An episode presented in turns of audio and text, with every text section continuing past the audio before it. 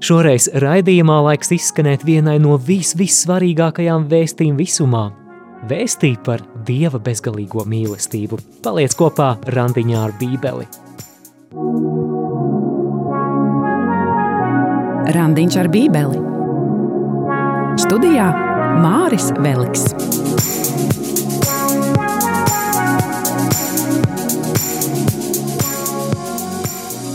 Dieva tēva un dēla un svētā gara vārdā Āmen. Dārgais svētais gars, mēs aicinām tevi šajā raidījumā atklāt mums tēva bezgalīgo mīlestību Jēzus Kristus vārdā. Āmen.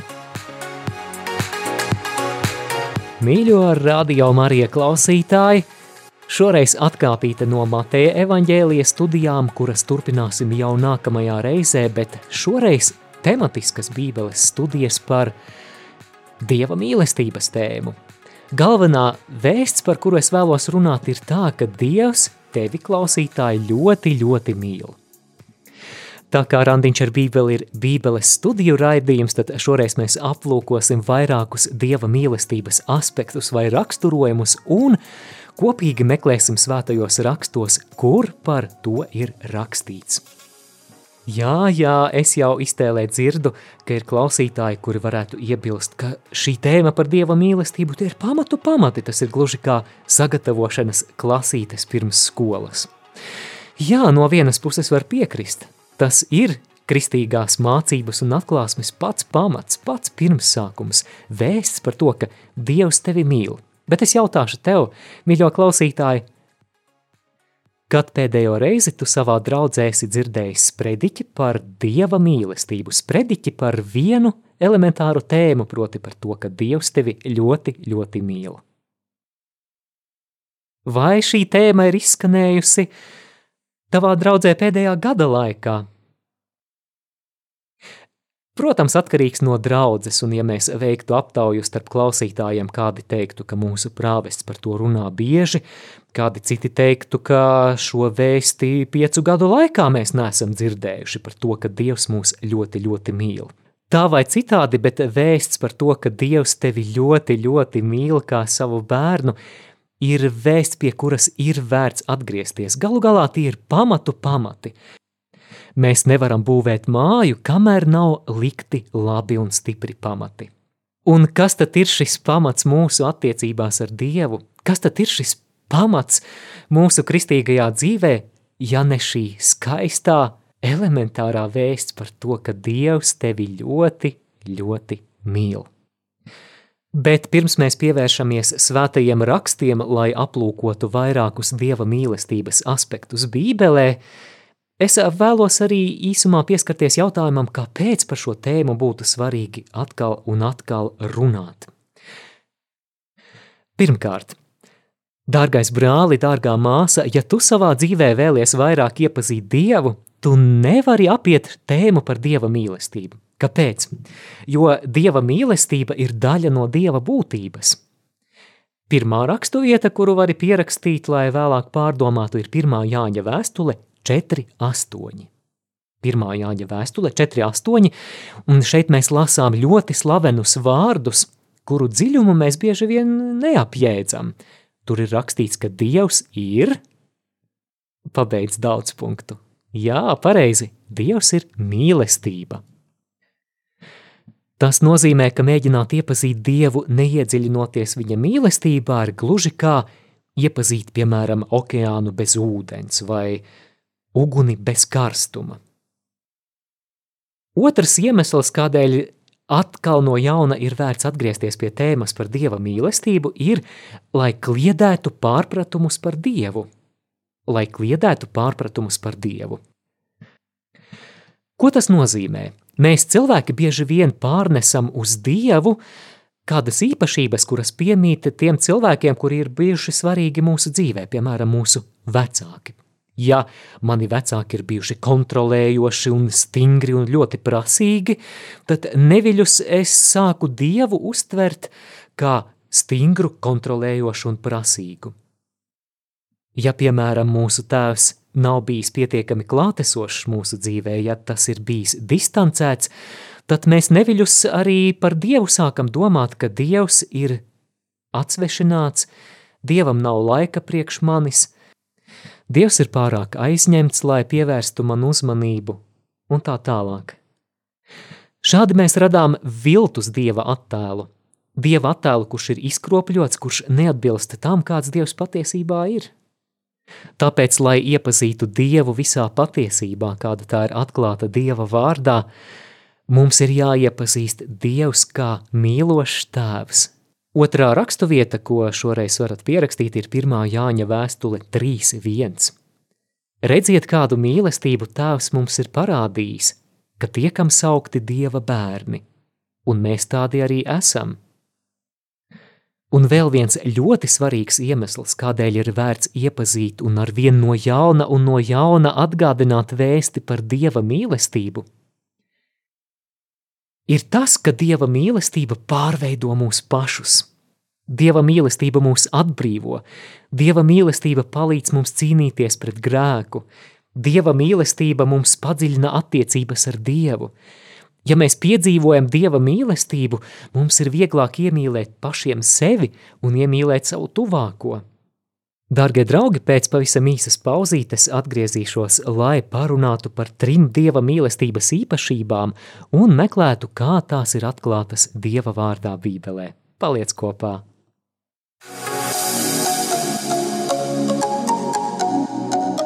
Skan randiņš ar Bībeli.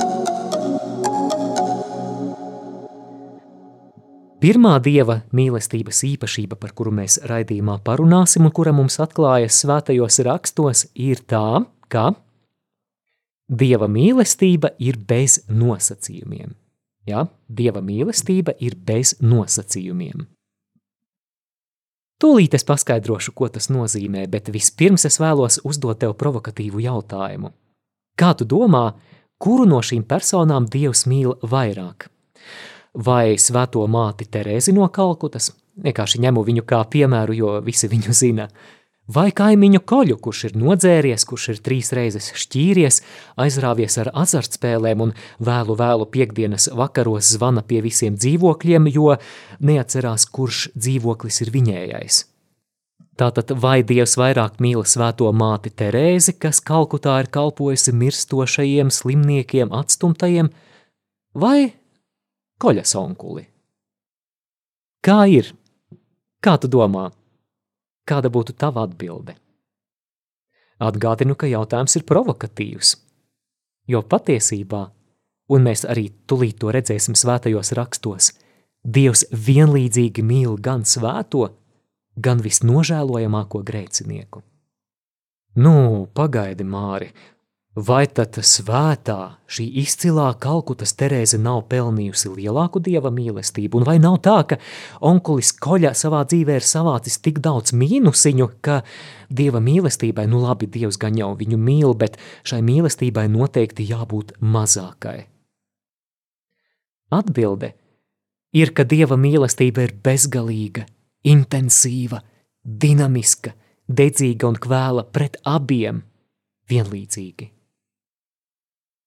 Jā, tas ir cits jautājums, ka grēcinieks apzināti var izvēlēties novērsties no dieva mīlestības, it kā ieiet tādā savu grēku dziļā pagrabā, kurā neiespīd dieva mīlestības saules gaisma. Bet vai dieva mīlestības saule tādēļ būtu kļuvusi mazāka? Nē, Un šis, dārgie draugi, ir stāsts par Dieva beznosacījuma mīlestību. Šis ir pirmais lielais plāna punkts, ka Dieva mīlestība ir bez nosacījumiem. Tas nozīmē, ka Dieva mīlestība pret mums nav it nekā atkarīga nec no apstākļiem, nec no mūsu sasniegumiem, nec no mūsu kļūdām. Šai mīlestībai nav priekšnoteikumu, šai mīlestībai nav nosacījumu – Nav kritēriju, kuri būtu jāsasniedz, lai Dievs mūs varētu mīlēt. Noteikti zināt, ka vairākos veikalos tiek piedāvāts vākt uzlīmītes. Tās, kuras pārdevēji pie kases jums dod, kad jūs kaut ko esat nopirkuši. Šīs uzlīmītes sakrājot noteiktā skaitā, jūs varat vinnēt, piemēram, kādu trauku vai kādu citu piedāvāto lietu. Bet Nes kāpēc arī attiecībās ar Dievu mēs mēdzam iedomāties, ka mums viņa priekšā ir jāsakrāj kādi žetoni, kādi punkti, lai mēs izpelnītos viņa labvēlību un mīlestību. Mūsu Dievs nav tāds, kurš skaita plusiņus, kurš krāj tavus žetonus. Nē, Dievs tevi mīl bez nosacījumiem. Nekas, kas tavā dzīvē ir noticis, nevar Dieva mīlestību nec palielināt, nec samazināt. Protams, vēlreiz es šeit uzsveru, ka mēs paši varam caur savu grēku izvēlēties paslēpties no Dieva mīlestības, bet runa nav par to. Runa ir par to, ka Dieva mīlestība nemainās. Dieva mīlestība vienmēr mūs gaida atpakaļ. Bet pagaidi, Māri, tu nezini, ko es esmu izdarījis savā dzīvē. Tu nezini tās lietas, kuras man pat grēksūdzē atklāt ir kauns. Es iedomājos, ka kāds no klausītājiem varētu tā teikt. Dārgais draugs, šajā raidījumā es tev vēlos pasludināt priecīgu un labu vēsti. Fakts, ka Dievs tevi mīl, it nekā nav saistīts ar to, ko tu esi vai ko tu neesi darījis. Fakts, ka Dievs tevi mīl, ir saistīts ar to, kāds ir pats Dievs. Un mēs pirms brīža jau lasījām pirmo Jāņa vēstuli 4.8, kur ir teikts, ka Dievs ir mīlestība. Dieva dabā ir mīlēt, mīlēt bez nosacījumiem. Varbūt šajā brīdī kādam ir grūti noticēt vēstī par Dieva beznosacījuma mīlestību, un es saprotu, jo mēs ik viens piedzīvojam šaubas, iespējams tādēļ, ka mēs dzīvē ļoti maz piedzīvojam beznosacījuma mīlestību. Tieši pretēji ir daudzas situācijas, kad tas, vai mūs pieņems, ir atkarīgs no tā, kā mēs sevi parādām.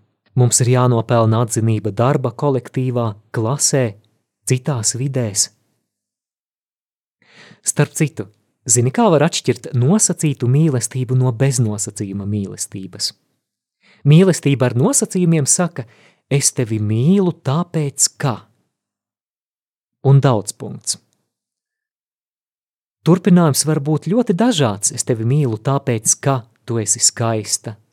Es tevi mīlu tādēļ, ka man ir patīkami uzturēties tavā klātbūtnē. Vai es tevi mīlu tādēļ, ka mani fascinē tavs raksturs un tava personība.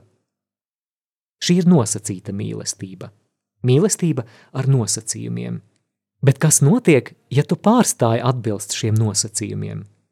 Kas notiek, ja tu vairs neesi tik skaista kā jaunībā. Gluži kā dziesmā, vai tu mīlēsi, kad man vairs nebūs sešpadsmit? Iespējams, tieši tāpēc daudziem no mums ir grūti noticēt tam, ka Dievs mūs mīl vienkārši tāpat. Un patiešām beznosacījuma mīlestība runā citādāk. Tā nesaka, es tevi mīlu tāpēc, ka. Beznosacījuma mīlestība runā, klausies, es tevi mīlu tādu, kāds tu esi. Vienkārši tāpat. Starp citu, mīļo klausītāji, man ir mazliet teoloģiski iebildumi pret kādu populāru svēceļnieku dziesmu, kuras vārdi skan Dievs mani mīl tādu, kāds es esmu, un priecājas par katru manu žestu.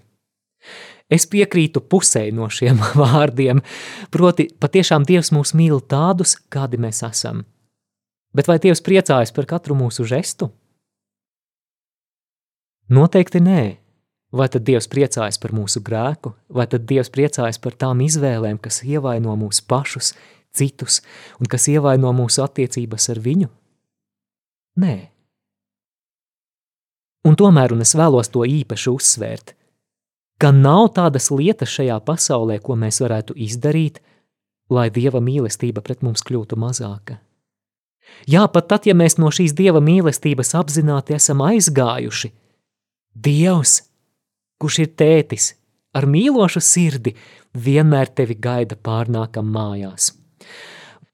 Kur mēs šo domu atrodam Bībelē? Lūkas evaņģēlija 15. nodaļa un slavenā Jēzus līdzība par pazudušo dēlu.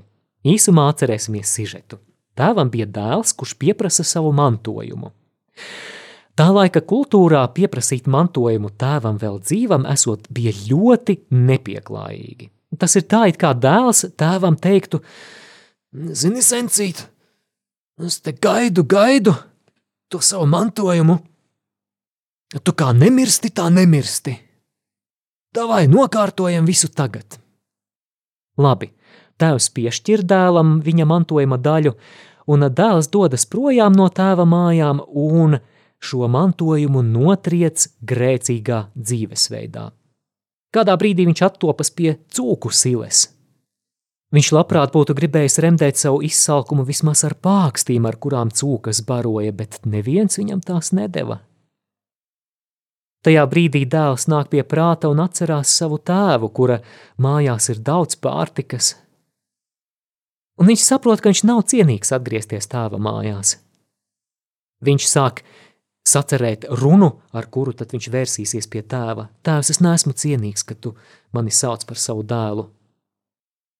Dēls pats apzinās, ka viņš nav cienīgs. Viņš saka, pieņem mani par vienu no saviem algāģiem, pieņem tātad par vienu no saviem algotajiem darbiniekiem. Dēls dodas uz tēva mājām, un tēvs viņam steidzās pretī. Es tagad nolasīšu Lūkas evaņģēlija 15. nodaļas 21. pantu. Bet dēls tam sacīja: Tēvs, es esmu grēkojis pret debesīm un pret tevi. Es neesmu vairs cienīgs, ka mani sauc par tavu dēlu. Mīļā māsa, mīļo brāli, vai tu atceries, kāda bija tēva atbilde? Vai tēvs uz viņu kliedza, tu nelieti vairs kāju nesper manā teritorijā? Vai tēvs viņam varbūt piestādīja rēķinu? Es tev iedevu tādu summu, un tu man norēķināsies līdz pēdējam grasim. Nē, 22. pantā mēs lasām, bet tēvs pavēlēja saviem kalpiem: atnesiet ātri vislabākās drēbes un apģērbiet to. Mauciet viņam pirkstā gredzenu un kurpes kājās. Atnesiet baroto teļu un nokaujiet to, lai ēdam un līksmojamies jo šis mans dēls bija miris un no atkal ir dzīvs. Viņš bija pazudis un ir atkal atrasts, un viņi sāka līksmoties. Lūk, kāds ir Dievs! Lūk, kāds ir mūsu debesu Tēvs, par kuru ir rakstīts, ka Viņš ir mīlestība. Lūk, piemērs viņa beznosacījuma mīlestībai. Vai dēls, nodzīrodams un notriekdams visu savu mantojumu, bija pelnījis šādu uzņemšanu, vai viņš bija pelnījis, ka viņa pārnākšanu nosvin ar pamatīgu ballīti, kurā visi priecājas? Protams, ka nē. Bet kāpēc tad tieši tā notiek? Tādēļ, ka tēva mīlestība ir bez jebkādiem nosacījumiem.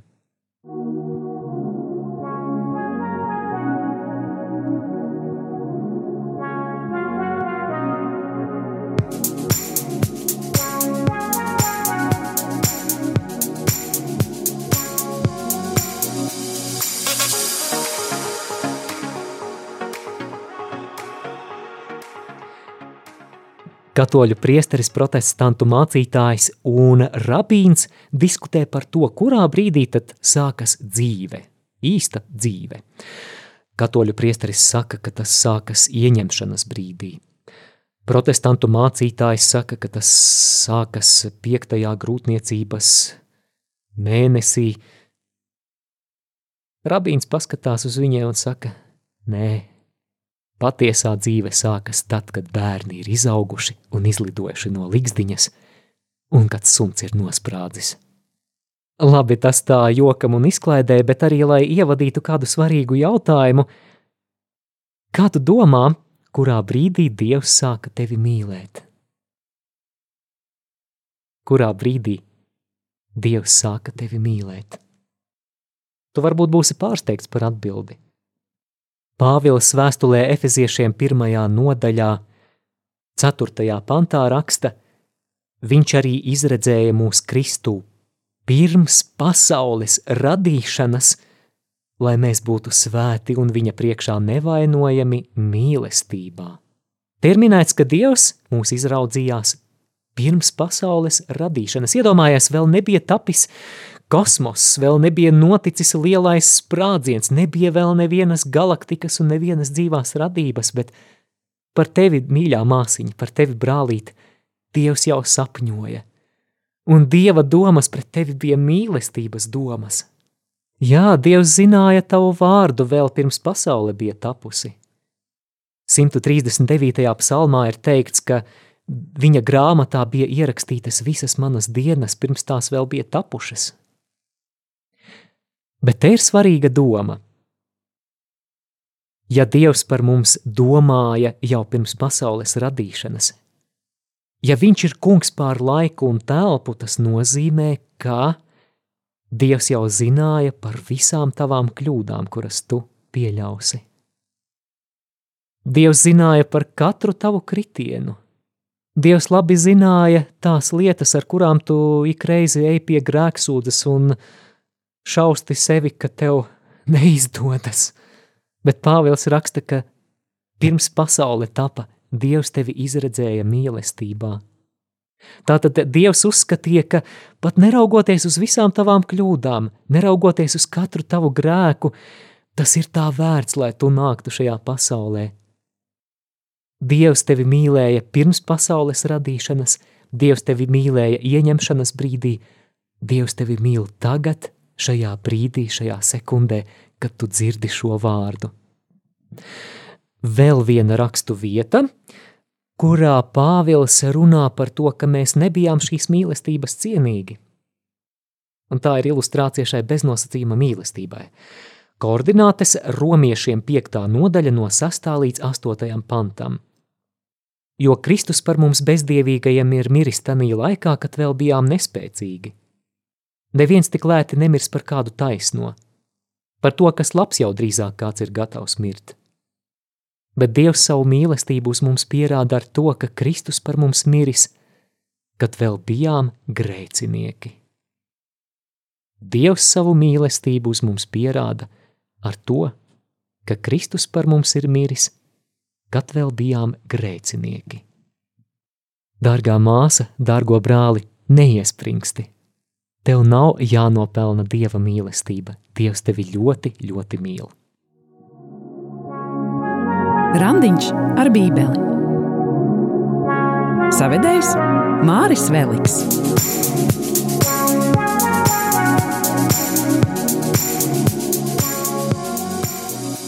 Esam atpakaļ ēterā un randiņš ar Bībeli šoreiz par Dieva mīlestības tēmu. Pirms brīža mēs pārunājām pirmo Dieva mīlestības aspektu, ko mēs atrodam svētajos rakstos, proti, ka Dieva mīlestība ir bez nosacījumiem. Ķeramies klāt vēl vienai dieva mīlestības īpašībai, un tā ir: Dieva mīlestība ir dedzīga.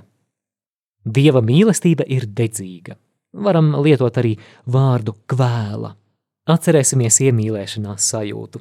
Tava sirds sitās strauji, naktī tu nevari iemigt, jo tu domā un sapņo par savu mīļoto.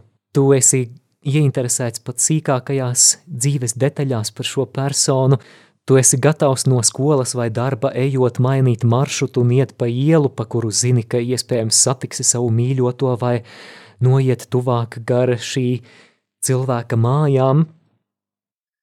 Atcerējāmies šo sajūtu, vai ne? Bet interesanti, ka mīlestība starp vīrieti un sievieti, starp līgavaini un līgavu bībelē ir kā attēls dieva dedzīgajai mīlestībai. Jesajas grāmatas 62. nodaļas 5. pants. Kā līgavainis priecājas par līgavu, tā priecāsies par tevi Dievs. Atcerēsimies arī dziesmu dziesmu vecajā derībā, jeb Sālamana augsto dziesmu, kas ir mīlestības poēma. Līgavainis saka par savu līgavu, ar vienu acu skatienu tu sagūstīji manu sirdi. Dziesmu dziesma 4.9. Dziesmu dziesmai ir vairāk interpretācijas līmeņi – Pirmā un tiešā nozīme ir mīlas poēma par cilvēcisku mīlestību. Tomēr jau sen gan jūdu rabīnu autori, gan arī kristiešu autori, it sevišķi svētais Bernards no Klervo šajā grāmatā saskatīja alegoriju par dieva dedzīgo mīlestību. Viņa mīlestību uz viņa tautu un uz individuālu dvēseli. Un, ja lasīsiet šo grāmatu, pamanīsiet, cik kvēla, cik dedzīga ir šī mīlestība – Ieklausies, piemēram, vārdos no 8. nodaļas 6. panta. Liec mani kā zīmogu uz savas sirds, kā zīmogu uz sava pleca, jo stipra kā nāve ir mīla, Vēl varat pierakstīt ļoti skaistu rakstu vietu, kurā dieva mīlestība ir salīdzināta ar mātes mīlestību. Pravieša Jesaja grāmata 49.15. Vai var māte aizmirst savu zīdaini un neapžēloties par savu miesīgo bērnu? Un ja pat māte to aizmirstu, es tevi neaizmirsīšu.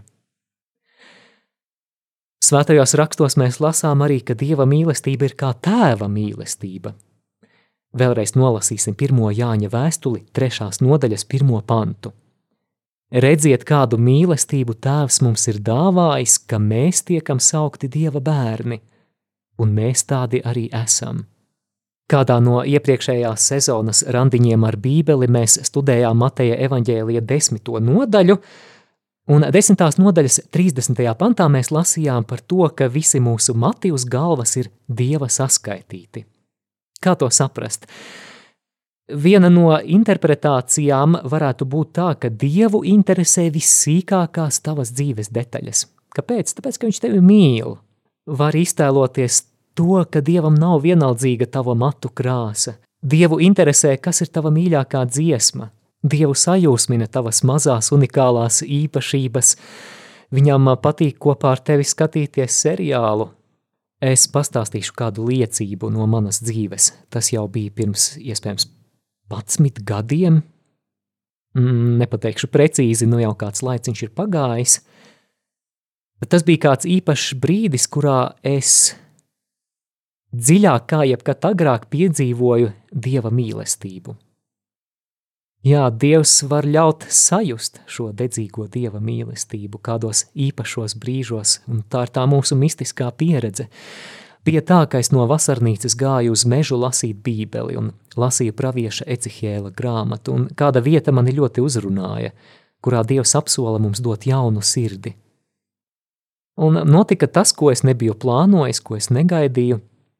Mani pārņēma tāda Dieva mīlestības sajūta, kā nekad agrāk. Man šķita, ka dieva klātbūtne un dieva mīlestība ir gluži kā sataustām atmosfērā. Un es atceros arī, kā man pa vaigiem sāka ritēt asaras, jo no vienas puses es jutos ļoti necienīgs šo mīlestību saņemt. Taču tai pašā laikā tās nebija traģiskas asaras. Es zināju, ka es esmu mazs grēcinieks un es neesmu cienīgs šādu mīlestību saņemt, bet tik un tā, Tik un tā, Dievs mani ļoti, ļoti mīl, tādu kāds es esmu. Mans sapnis un mana lūkšana par tevi, mīļo klausītāji, ir tā, lai Dievs arī ļauj tev piedzīvot pārdabisku mirkli, kurā tu apzinājies, ka tu esi ļoti, ļoti, ļoti mīlēts, caur caurēm mīlēts, ka tu esi Dieva mīlestības caurstrāvots ka šī atziņa par dieva mīlestību, ko noteikti esi dzirdējis svētdienas skolā vai tagad dzirdi par radio, lai tā no intelektuālas atziņas kļūst par tavu personisko pieredzi. Un tas tik daudz ko izmaina.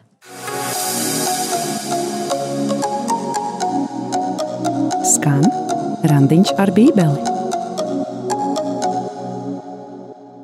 Turpinām runāt par Dieva apbrīnojamo mīlestību šajā raidījumā un aplūkojām jau divas Dieva mīlestības īpašības, kādas tās atklājas svētajos rakstos, tas, ka Dieva mīlestība ir bez nosacījuma mīlestība un ka Dieva mīlestība ir dedzīga. Visbeidzot, pēdējais plāna punkts – Dieva mīlestība ir upurgatava. Dieva mīlestība ir upurgatava. Jā, Dieva mīlestība nav tikai skaistas jūtas Dieva sirdī pret tevi. Dieva mīlestība ir arī darbīga. Iespējams, vispopulārākā rakstu vieta Bībelē, ko daudzi var citēt no galvas, ir Jāņa evaņģēlija 3. nodaļas 16. pants. Jāņa 3.16. Jo tik ļoti Dievs mīlēja pasauli, ka atdeva savu vienpiedzimušo dēlu, lai neviens, kas viņam tic, nepazustu, bet iemantotu mūžīgo dzīvību.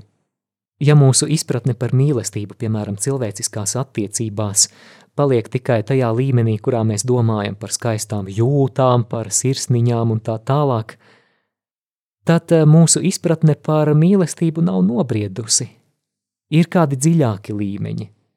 Patiesa mīlestība atklājas tad, kad kāds ir gatavs uzupurēties otra cilvēka dēļ. Tā piemēram vecāki, kuriem nesen ir piedzimis bērniņš, upurē daudzas negulētas nakts stundas, rūpējoties par šo bērniņu, mīlot šo bērniņu. Vai kāds skarbāks upur gatavas mīlestības piemērs? Naktī uz ielas kādai sievietei uzbrūk laupītāji – Par laimi netālu ir viņas vīrs, kurš steidzas palīdzēt, kurš steidzas atbrīvot savu sievu, taču šajā cīņā gūst smagus ievainojumus un vēlāk slimnīcā mirst. Kāpēc viņš to darīja? Kāpēc viņš pakļāva riskam savu dzīvību? Tāpēc, ka mīlēja, un tāpēc, ka viņa mīlestība bija upurgatava. Jā, arī tas varētu būt attēls upurgatavai dieva mīlestībai. Jāņa evaņģēlija 15. nodaļā, 13. pantā, Jēzus saka, ka nevienam nav lielākas mīlestības kā šī, ja kāds savu dzīvību nodot par saviem draugiem. Jēzus patiešām to īsteno.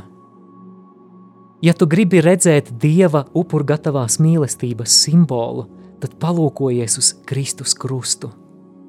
Palūkojies uz Jēzus caurdurtajām rokām uz viņa caurdurto sānu. Lūk, mīlestība, kas iet līdz galam. Jēzus mirst mūsu vietā, Jēzus mirst mūsu dēļ, lai mēs būtu brīvi no mūsu grēka vainas, no mūsu grēka važām un lāsta. Caur savu krusta nāvi Jēzus mūs izpirka no mūžīgās pazudināšanas. Kas ir mūsu grēka sekas? Jēzus nomira, lai darītu mūs par jaunu radījumu. Jēzus nomira par mums pie krusta, lai mūs, virs kuriem, ja tā var teikt, karājās spriedums vainīgi, pazudināmi, pār mums atskanētu tēva balss, pilnīgi piedots. Jā, nav lielākas mīlestības, ja kāds savu dzīvību atdod par saviem draugiem, saka Jēzus. Un tad, kad mēs uzlūkojam krustā sistā Jēzus attēlu, viņa izplestās, izstieptās pie krusta rokas, mēs nešaubīgi varam ticēt, ka Dievs caur to mums saka, redzi, cik ļoti es tevi mīlu. Redzi, cik ļoti es tevi mīlu. Es tevi mīlu līdz galam. Es tevi mīlu līdz krusta nāvei. Es mirstu, lai tu dzīvotu skaties uz manu krustu. Kā lai vēl es tev pierādu savu mīlestību?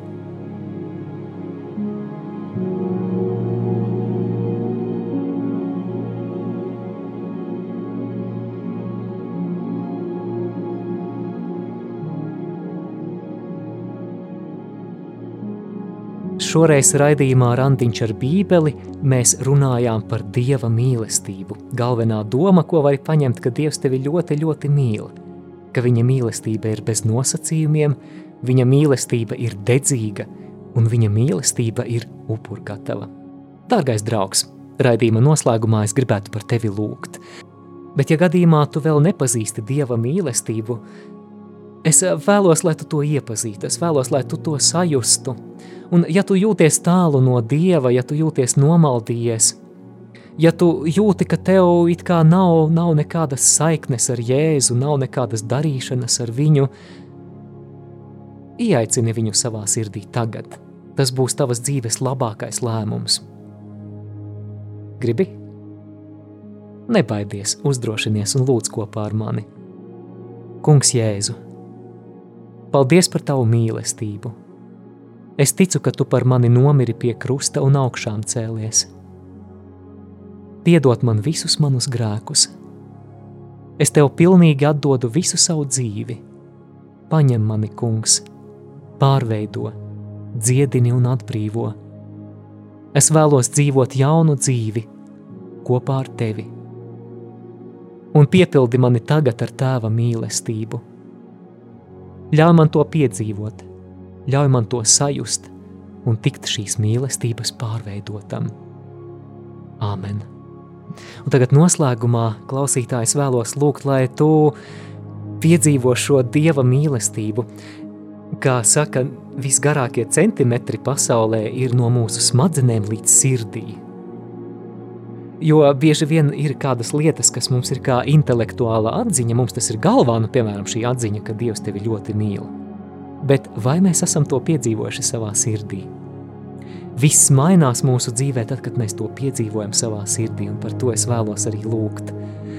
Jā, svētais gars, caur tevi Dieva mīlestība ir ielieta mūsu sirdī, un es lūdzu par saviem brāļiem, māsām, klausītājiem, lai viņi saņem šo atklāsmi par Dieva mīlestību, lai viņi saņem šo atklāsmi par to, ka viņi ir mīlēti bez nosacījumiem, ka šī mīlestība nav jānopelna un ka šajā mīlestībā var būt un atpūsties. Es lūdzu nāc svētais gars pār ikvienu no mums, Jēzus Kristus vārdā, Āmen. Svētā Marija, lūdz par mums. Svētais Jāzep, lūdz par mums. Dieva tēva un dēla un svētā gara vārdā. Āmen!